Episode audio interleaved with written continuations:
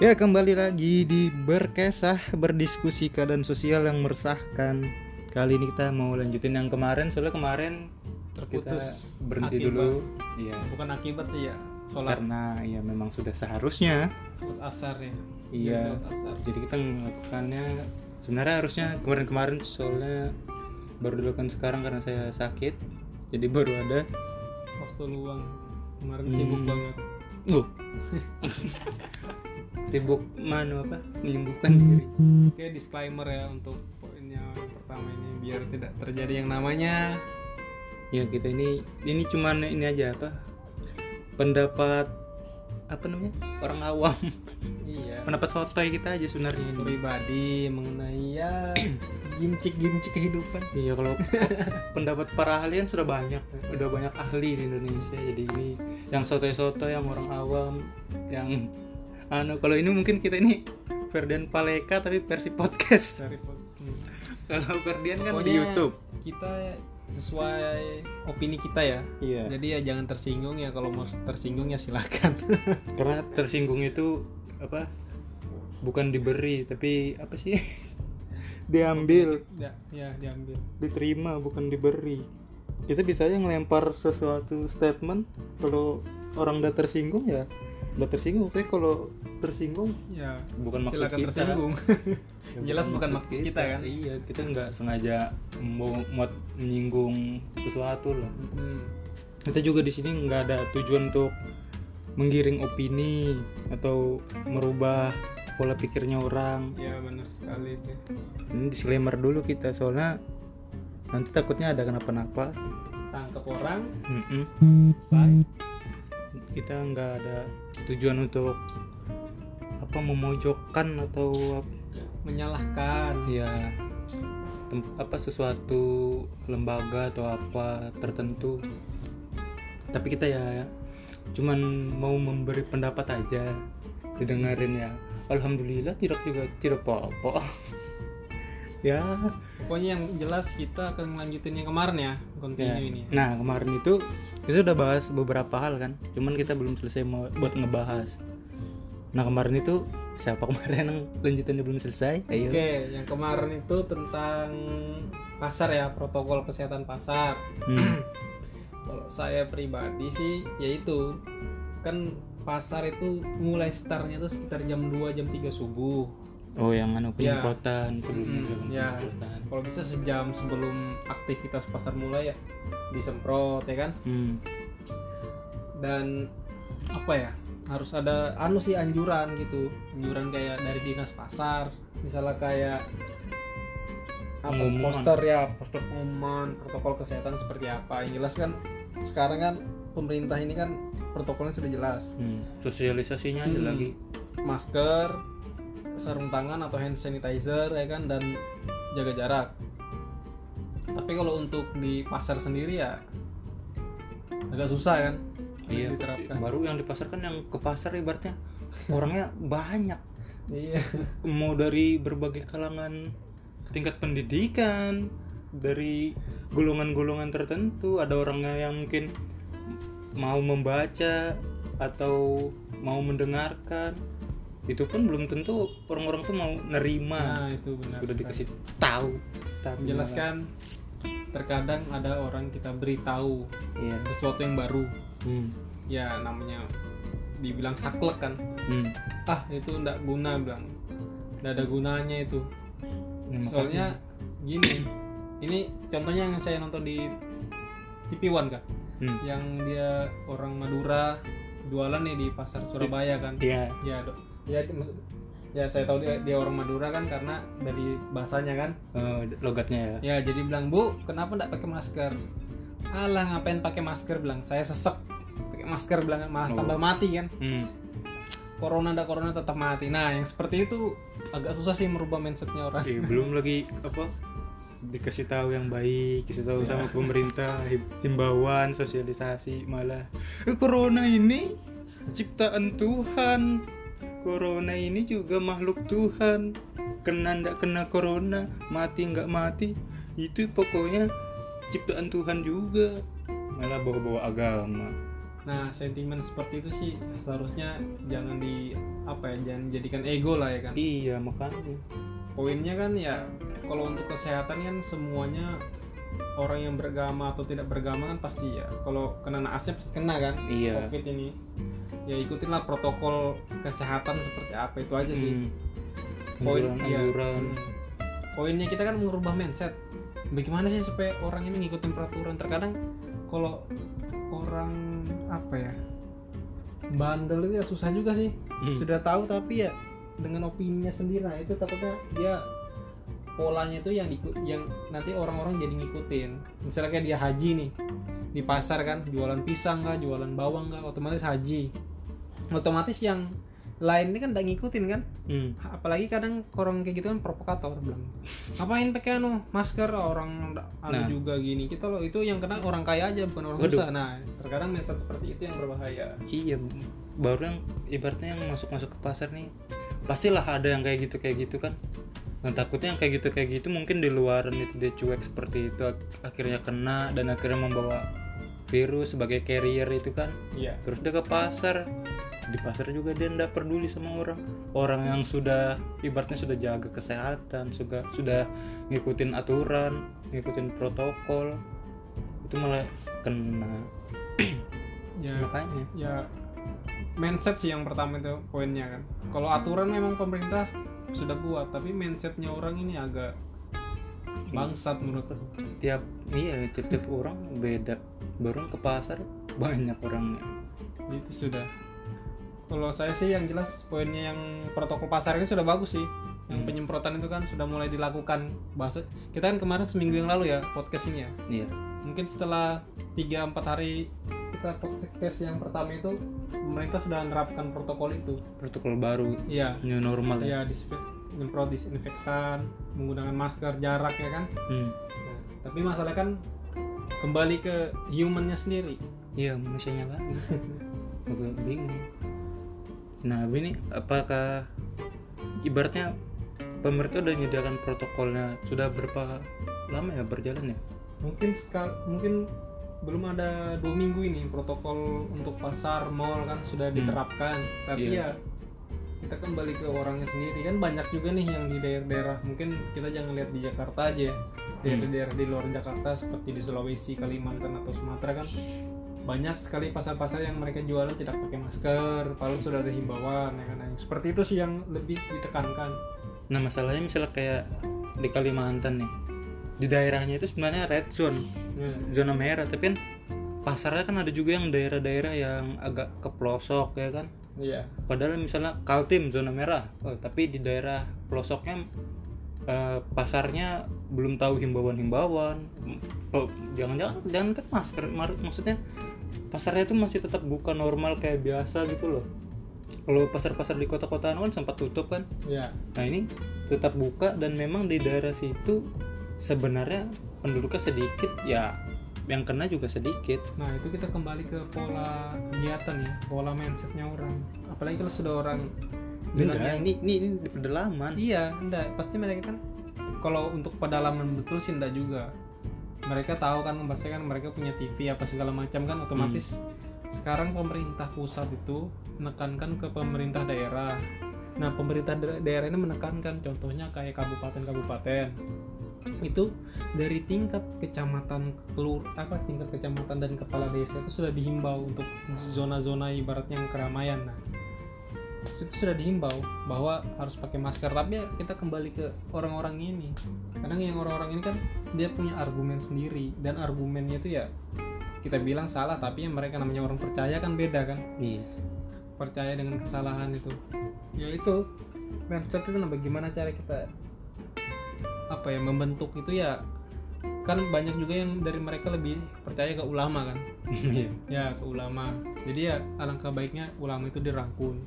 Oh jadi ibaratnya minta mereka yang bersosialisasi lah. Ya misalnya dirangkul. Hmm. kalau cuma sekedar kepala desa atau perangkat pemerintah itu ya nah ih, cuek. cu- ibaratnya ya, apa ya masa bodoh lah. Karena Iya. ya sentimen agama lebih anu sih. Ada loh kemarin tuh orang dibagikan ini apa? Sembako. Ya. yang lain kan ada yang rebutan ada yang alhamdulillah kira dapat sembako. Nah. tapi ada juga tipe kalau orang yang habis dapat sembako bukan bersyukur dia malah ini duit rakyat ini ini duit rakyat ini kita ini sebelah yang bayar ini. Mereka yang bagi-bagi. Yang seperti itu yang bahaya. Hmm, karena kalau ditayangkan ada orang yang berpikiran sama kan otomatis itu menimbulkan gejolak. Iya yang paling berbahaya ini sekarang bukan teroris merubah mindsetnya orang bagaimana benci kepada pemerintah. Ah, Nah, itu. seperti itu sih. Makanya orang kan ih buset ini orang lagi susah lagi sama-sama susah. Ini malah seuzon duluan baru dapat sudah seuzon. Kan aneh orang-orang ini. Kan yang lagi rame-rame ini yang Indonesia mau dijadikan Tiongkoknisasi iya.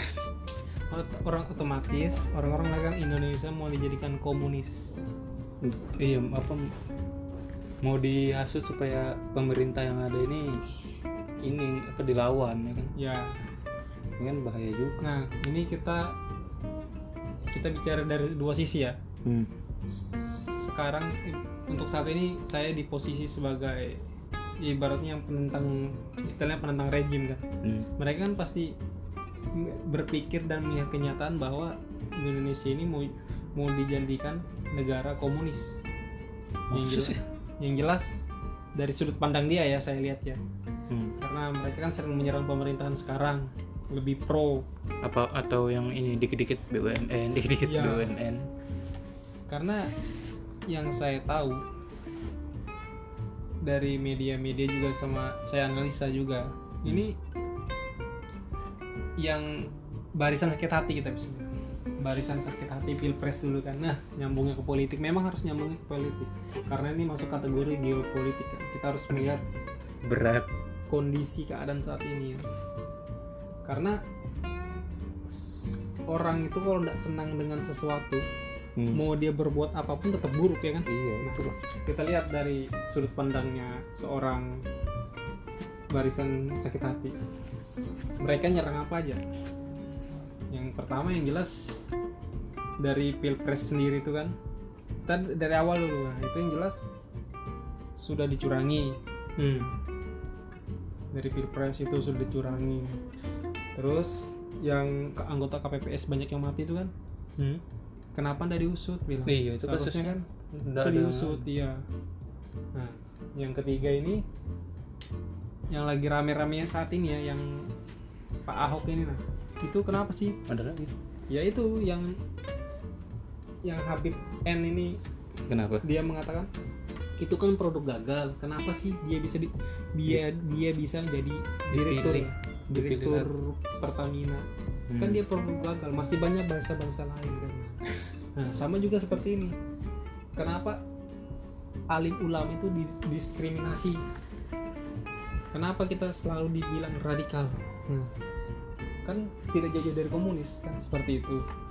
Nah, sama kenapa kita lebih banyak kerja sama sama orang Cina? Kenapa bilang? Itu kan negara komunis kan? Itu contohnya.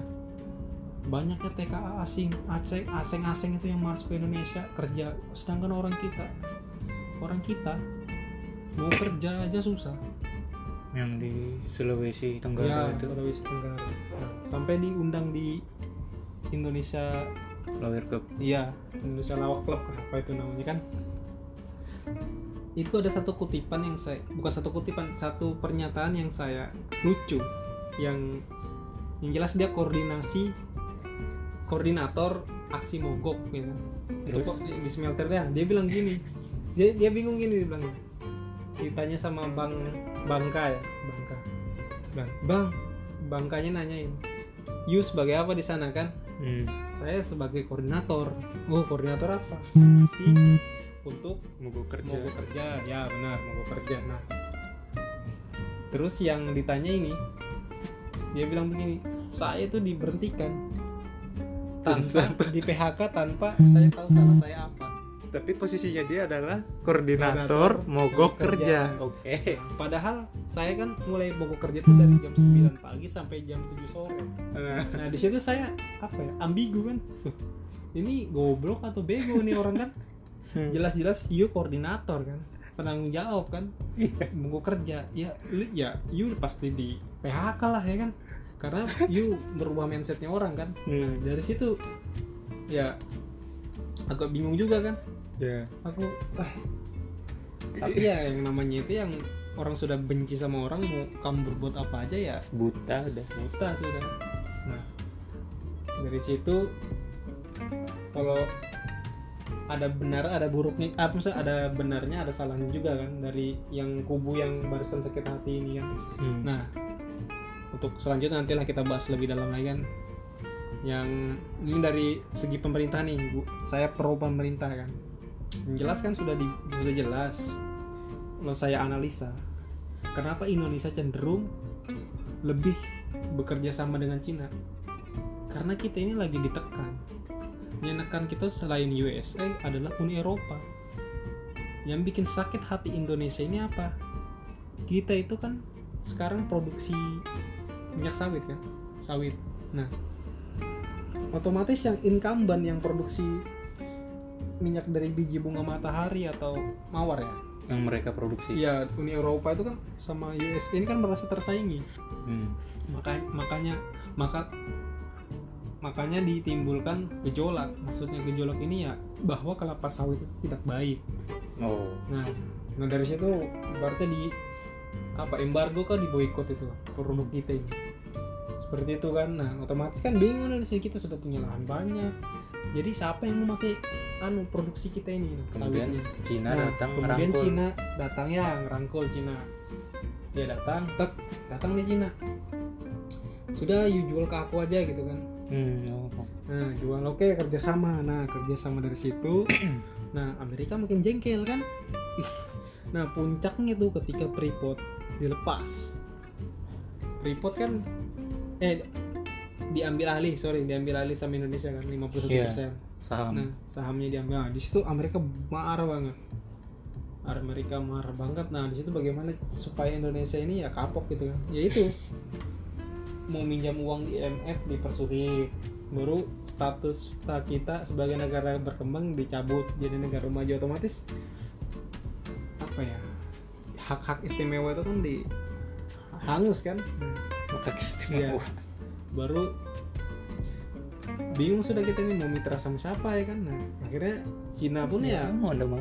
yang ekonomi dunia yang 12% ini ya senang atau tidak senang suka atau tidak- tidak suka ya kita harus kerja sama sama Cina karena cuma dia aja satunya yang mau bantu walaupun di belakangnya ada embel-embel ya kan. Hmm. ya kalau saya lihat sih yang namanya orang berinvestasi itu ya pasti ada perjanjian kan MOU kan. Apa? Ker, anu kerja sama PKS lah perjanjian kerjasama ya Hmm. yang jelas namanya orang investasi itu yang pertama selain menyediakan dana segar kan dana nih pasti kan ada embel-embel lain kan kayak contohnya kayak nanti yuk kalau untuk misalnya bangun jembatan atau segala Iya, macam pakai kita. ya, bahan bakunya dari kita terus uang juga dari kita gitu kan Pekerjaannya. Pekerjaannya dari kita juga kan seperti itu nah Hmm. itu yang mau tidak mau ya harus kita tekan kan tanda tangan kontrak itu kan. Hmm. seperti itu yang memang terjadi sekarang seperti itu. Contohnya seperti yang membangun pabrik smelter nikel itu kan membuat litium buat baterai itu kan. Nah, Ya. yang 500 TKA Cina itu kan. Sebenarnya lebih sih mungkin 500 dari TKA Cina itu.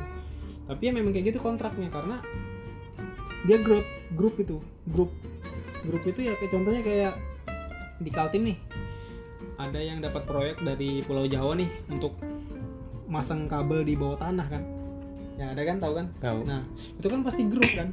Iya. Misal diambil dari daerah Jawa A atau Jawa B kan. Nah, dia datang nih ke Kalimantan otomatis mungkin dia kontraknya sepanjang 100 km kontrak. Nah seperti itu sur. Jadi dia ngunda dia mereka bawa orang Cina itu ya itu mungkin karena mereka sudah ada bagi-bagian sendiri kan. Mungkin 100 orang bagian pancangan atau gimana gitu karyawannya ya ini seperti itu sih kalau saya sih lihatnya. Jadi ya fine fine aja kan namanya orang investasi kan.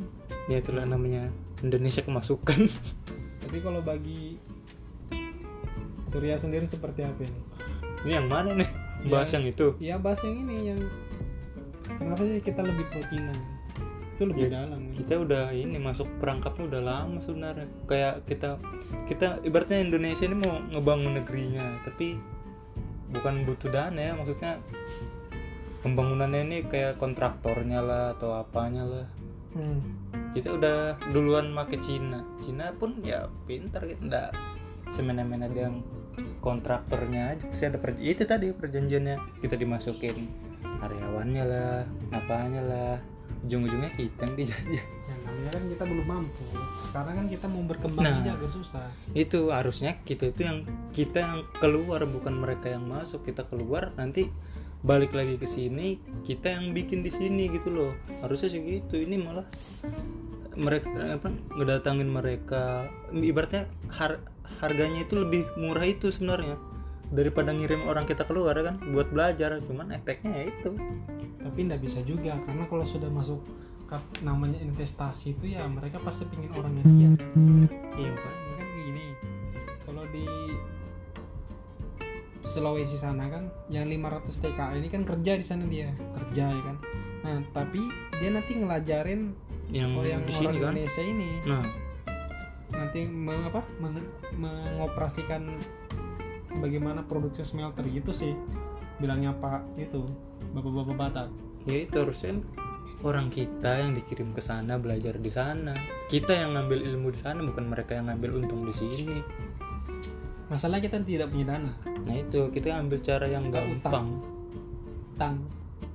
Utang. Ujung-ujungnya utang. Nah itu. Ya udah tau lah utang kita berapa ini sudah. Utang pun bayarnya pun ibaratnya dari perjanjiannya itu pasti bukan cuman uang lah. Nanti utang ini nanti kita gini ya nanti kita gitu ya. Pasti lah ini dalam ini kalau bicarakan ini bisa tangkap polisi kita iya kalau tadi kan perasaan mau membahasnya normal ya ini sudah ini kan ke mana-mana Nah, ini kan salah satu new normal, ya kan? New normal kita apa? kerja sama orang Cina, ya kan? Ya kan? oh beda Wah ini semua maksudku sama corona ini loh Oh iya kan? Sekarang corona seperti ini, negara mana yang mau bantu kita kalau bukan Cina? Iya. Yang lain loh keteteran semua ya kan? Dari situlah kita lihat. Berarti dalam corona ini yang bisa bantu kita Cina gitu. Cina, sekarang mana yang bisa bantu? Amerika, ada, udah Amerika kacau walau. kecebak. Nah, Kita di corona ini enggak maksudku itu kita ngebahas coronanya aja gitu loh, gue sampai nyerempet-nyerempet sono jauh banget. bukan nyerempet, semua itu ada keterkaitan, Eh, iya sih, langsung atau tidak langsung kan? Jauh banget kita ngebahas aja Sekarang ke sana. gini, nah APD yang dikasih Cina itu buatan mana? buatan Cina. Indonesia. Indonesia kan? Iya, Cina kan sebelum corona ini kan Boleh dulu. beli dulu sekitar Oh, iya. hampir berapa puluh persen APD di seluruh dunia. Nah, nanti kalau kita lanjut ini bisa ujungnya konspirasi. Itu untuk next video aja lah, next podcast lah ya. Sorry sorry podcast. Karena dalam sekali itu. Hmm, Jelaskan Hmm. Kita ganti topik aja ini ya. Soalnya bahaya bahaya juga kita bahas-bahas Cina ini. HP Iya. Cina ya kan? Enggak TV. TV Cina. apa ku apa TV ku ndak juga. TV udah Cina kan? Korea Ya, ini. Lisensi kan sudah dibeli. Waduh. Apa Samsung Thailand? Samsung Korea. Ini apa kita anunya? Apanya? Judul Apanya? podcastnya apa? Kom-kom nggak? Udah ini kita lanjutin yang Oh, kemarin kira. aja. Karena kalau lanjutin yang kemarin sih sebentar aja kan. Bisa. Karena kita kemarin cuma tiga poin aja yang poin terakhirnya. Nah, poin terakhirnya kan kita udah ya kita anggap selesai lah ya kan. Ya, selesai. Eh, yang belum itu adalah kita ngelihat new normal dan protokol yang sudah dilakukan ini loh di sini aja nggak usah jauh-jauh. Hmm. Sudah Protokol- bagus sih. Hah? Sudah bagus. Sudah efektif? Iya, efektif tidak efektif itu tergantung dari masyarakatnya. Nah, Sekarang berarti gini. belum dong. Enggak maksudnya protokolnya itu buat nganuin ke masyarakatnya itu bagaimana biar masyarakatnya bisa Ya ini dan dengan dengan denda kan sekarang. Oh, ada sekarang sudah ada dendanya. Iya denda. Jadi kalau kamu tidak pakai masker atau sarung tangan ya denda 250.000 ribu. Keserem tangan. Loh iya kalau bagi pengguna motor. Tuh, kamu pernah tahu mas sarung tangan kena juga. Iya. Makanya kamu save WA-nya Cipet, Ah, Haris. kok Loh iya di situ ada dia protokol-protokolnya. aku baru tahu ternyata sarung tangan juga. Sarung tangan juga. Daerah mana itu berlakukan kayak gitu? Kaltim kah? Waduh, Kaltim, Kaltim. kamu nggak ada lagi. Hmm, anu kayak gitu. Tadi juga ke sana ke polsek. Info aja sih tadi dari polsek juga nggak ada ini, nggak ada protokol eh, itu apa? Kesehatan itu. Bukan sarung tangan. Kalau masker kan wajib wajib masker sama jaga jarak. Itu pun tadi di sana dimintain surat kesehatan, surat keterangan Ya. kesehatan. Nah, ini kalau protokolnya aja kayaknya sosialisasi untuk yang kayak gitu aja kayaknya belum rata deh berarti kan belum ya? pernah dengar nggak Apa? bagaimana kalau ini anggota BUMN naik motor nggak pakai helm. Hmm. helm SNI Hmm. baru ada polisi. Kira-kira hilang nggak? Dapat ndak SNI iya Ya, ini kira-kira sih. hilang kan Dan? foto ini. Iya. Enggak lah ya kan? Tergantung ini ke mana itu? Kalau ini Eh, kalau di dalam aja. Ini lain ini kan polsek. Oh. Baltim baltim. Anda tahu. Film proyek. Dan proyek jadi? Jadi ini poinnya ini efektivitasnya new normalnya gimana? Sudah bagus. Kalau dari himbauan pemerintah bagus protokolnya. Kita kembali ke masyarakatnya bagaimana merubah mindset.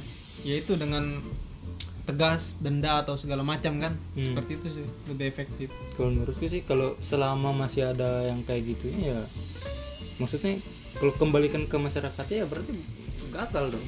Bukan gagal. Apa? Protokol dijalankan tag ya kan? Hmm.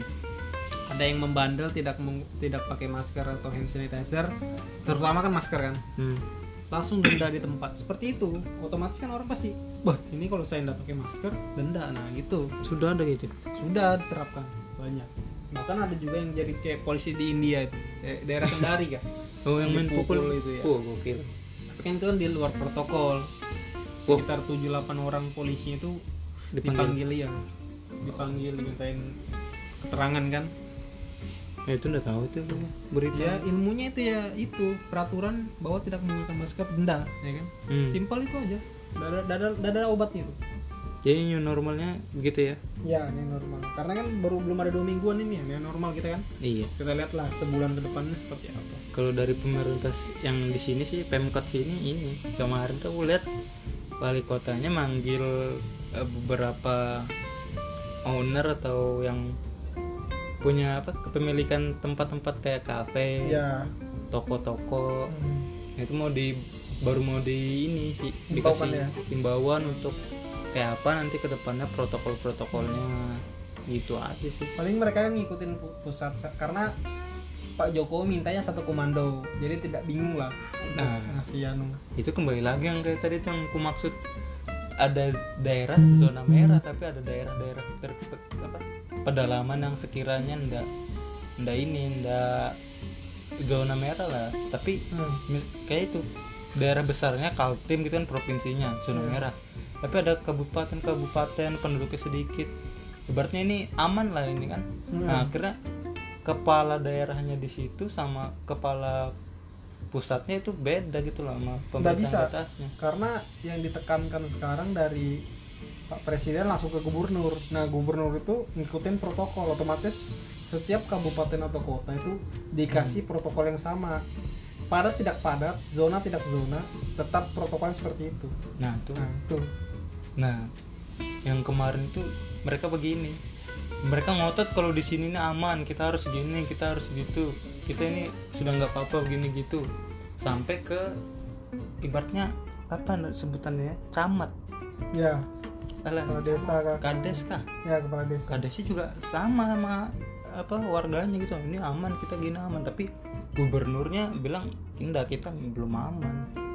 Jadi itu kan dengan surat, surat SK. Hmm. SK gubernur ya diserahkan ke semua perangkat-perangkatnya kan dari dari kabupaten sampai kota sampai ke tingkat RT gitu. Protokolnya sekarang seperti itu. Makanya kalau untuk bikin satu komando itu agak susah. nah itu Tapi sekarang mulai anu lah, mulai paham kan sudah. iya sih Karena ada setiap anu kan ada servernya ya kan.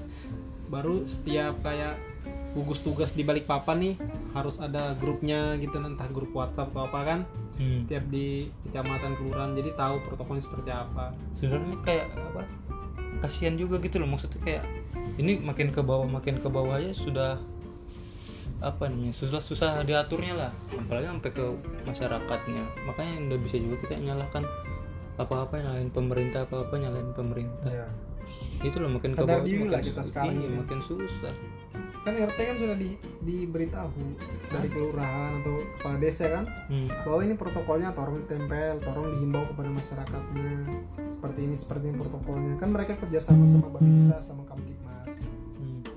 itu aja ada daerah mana itu yang mallnya buka? Kepala daerahnya bilang sudah buka terus yang lebih tinggi lagi bilang bagi apa ditanyain sama wartawan gimana ini pendapatnya udah buka gini? Belum itu cuman halusinasi. Loh ini gimana? Contohnya kayak Surabaya kan? Kan zona hitam. Mulai tetap buka sesuai protokol. Oh, tapi sesuai protokol. Ya karena gini antara kesehatan dan ekonomi ini ya bayi kembar siam. Hmm, tarik tarik itu tarik menarik. Jadi ya bagaimana caranya itu? Ekonomi dibuka tapi sesuai protokol. Nah seperti itu sih protokol kesehatan seperti apa dan jadi juga harus ada ketegasan. Ya peraturan itu tidak ada kalah namanya dengan sistem sistem peraturan yang tertulis itu. Jika melanggar konsekuensinya seperti apa ya? Itu denda ya kan? Seperti itu. Otomatis kan orang kan kalau orang punya akal sehat pasti berpikir kan itu tetangga kita. Kemarin dapat masker udah dua setengah. Otomatis kan iya harusnya ikut juga dong. Iya. Secara tidak langsung kan dia ngomong ke, ke keluarganya nih, misalnya dia punya anak istri kan, eh kamu keluar pakai masker loh, kenapa pakai masker? Pak bilang, itu Pak ini kena denda kemarin dua setengah bilang pakai masker, iya kak, iya, nah, itu kan otomatis yang kayak gitu kayak gitu yang kan ya, kalau udah dikasih efek jerak nggak bakal nggak mau Iya. orang Indonesia Orang Indonesia kan gitu. ada punishmentnya Iya. susah jeraknya nggak ada. iya Emang harus kayak gitu. Kalau di penjara kan repot, ya denda aja. baru ini apa alangkah bagusnya kalau pemerintah ini kerjasama dengan dinas-dinas kesehatan yang biasanya ini apa kayak kampus-kampus gitu loh atau organisasi-organisasi PMR bukan PMI PMR Remaja. iya kan banyak tuh banyak sih yang jadi relawan-relawan Nah, tapi iya. masalahnya mereka yang bikin tambah banyak yang positif Kok bisa? karena ini bukan penyakit yang bisa dilihat kan beda kayak demam berdarah kan demam berdarah atau malaria kan Hmm. ini kan penyakit udah dilihat kalau kayak demam berdarah malaria kan otomatis pakai lengan panjang pakai kaki iya mereka mereka maksudnya kerjasama mereka dibina pakai itu juga ada ada dibiayain. itu ada yang jadi driver ada yang jadi supply supply apa segala ada itu tapi ya tidak banyak kan kayak di mana ya ada acara gitu Hmm. acaranya itu dia kerjasama sama ini kampus universitas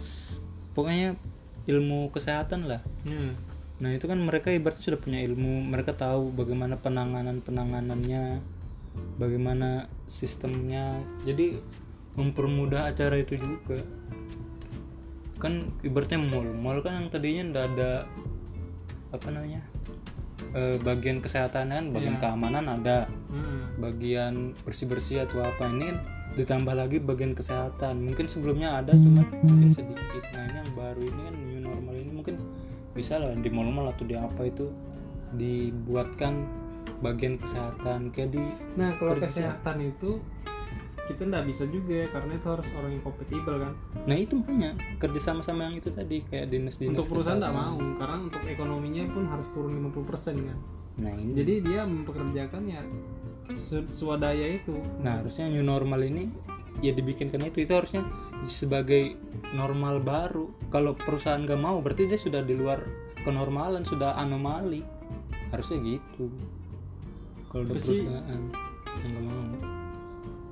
Sekarang yang dikerjakan itu ya itu. jangan produksi aja udah.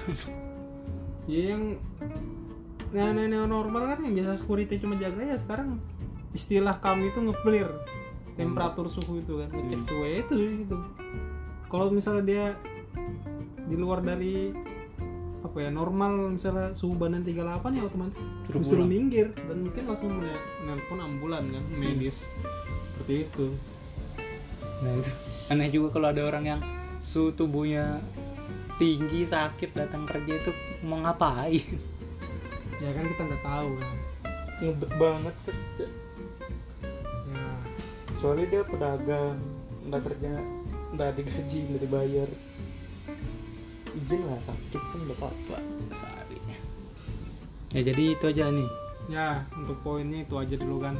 Untuk efektif efektif efektivitasnya nu- new normalnya mungkin segini aja. Tapi ya himbau untuk ke masyarakat untuk tetap jaga jarak. Ya sosial jangan lupa untuk physical distancing jaga kesehatan lah. Olahraga. Nggak apa-apa kan kalau olahraga gitu?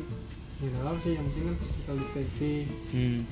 ya ikutin lah protokol yang pemerintah seperti cuci tangan lah. Hmm. tangan hand sanitizer kalau ada cuci pakai. tangan ya. Itu aja untuk hari ini. Mungkin kita akan lanjutkan di episode episode berikutnya. Oke